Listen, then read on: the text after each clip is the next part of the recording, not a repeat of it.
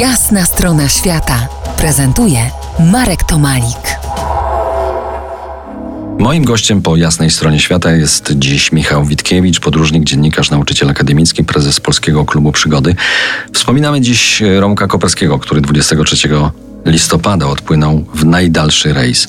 W poprzednich odsłonach jasnej strony rozmawialiśmy o lądowych ekspedycjach Romka, także w ekstremalnych warunkach zimowych, gdzie temperatury sięgały minus 60 stopni. Jak docierał na kres lądu w dalekiej Syberii, kusił go ocean z nazwy Spokojny, który miał się wkrótce stać przedłużeniem jego wypraw na daleki północny wschód. Tak, okazał się ten ocean niespokojnym, zresztą tak się y, nazywa książka, którą... Chyba popełnił. ostatnia, jaką napisał. E, nie, jeszcze jedna była po Aha. wyprawie przez Atlantyk późniejszej.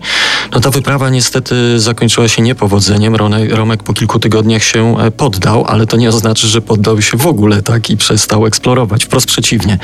E, kolejne wyprawy były jeszcze bardziej, jak dla mnie, ekstremalne.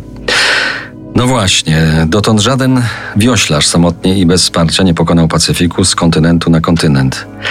I tym razem nie udało mu się, okazał się niespokojny ten ocean, musiał się wycofać, Pacyfik go jednak nie ostudził.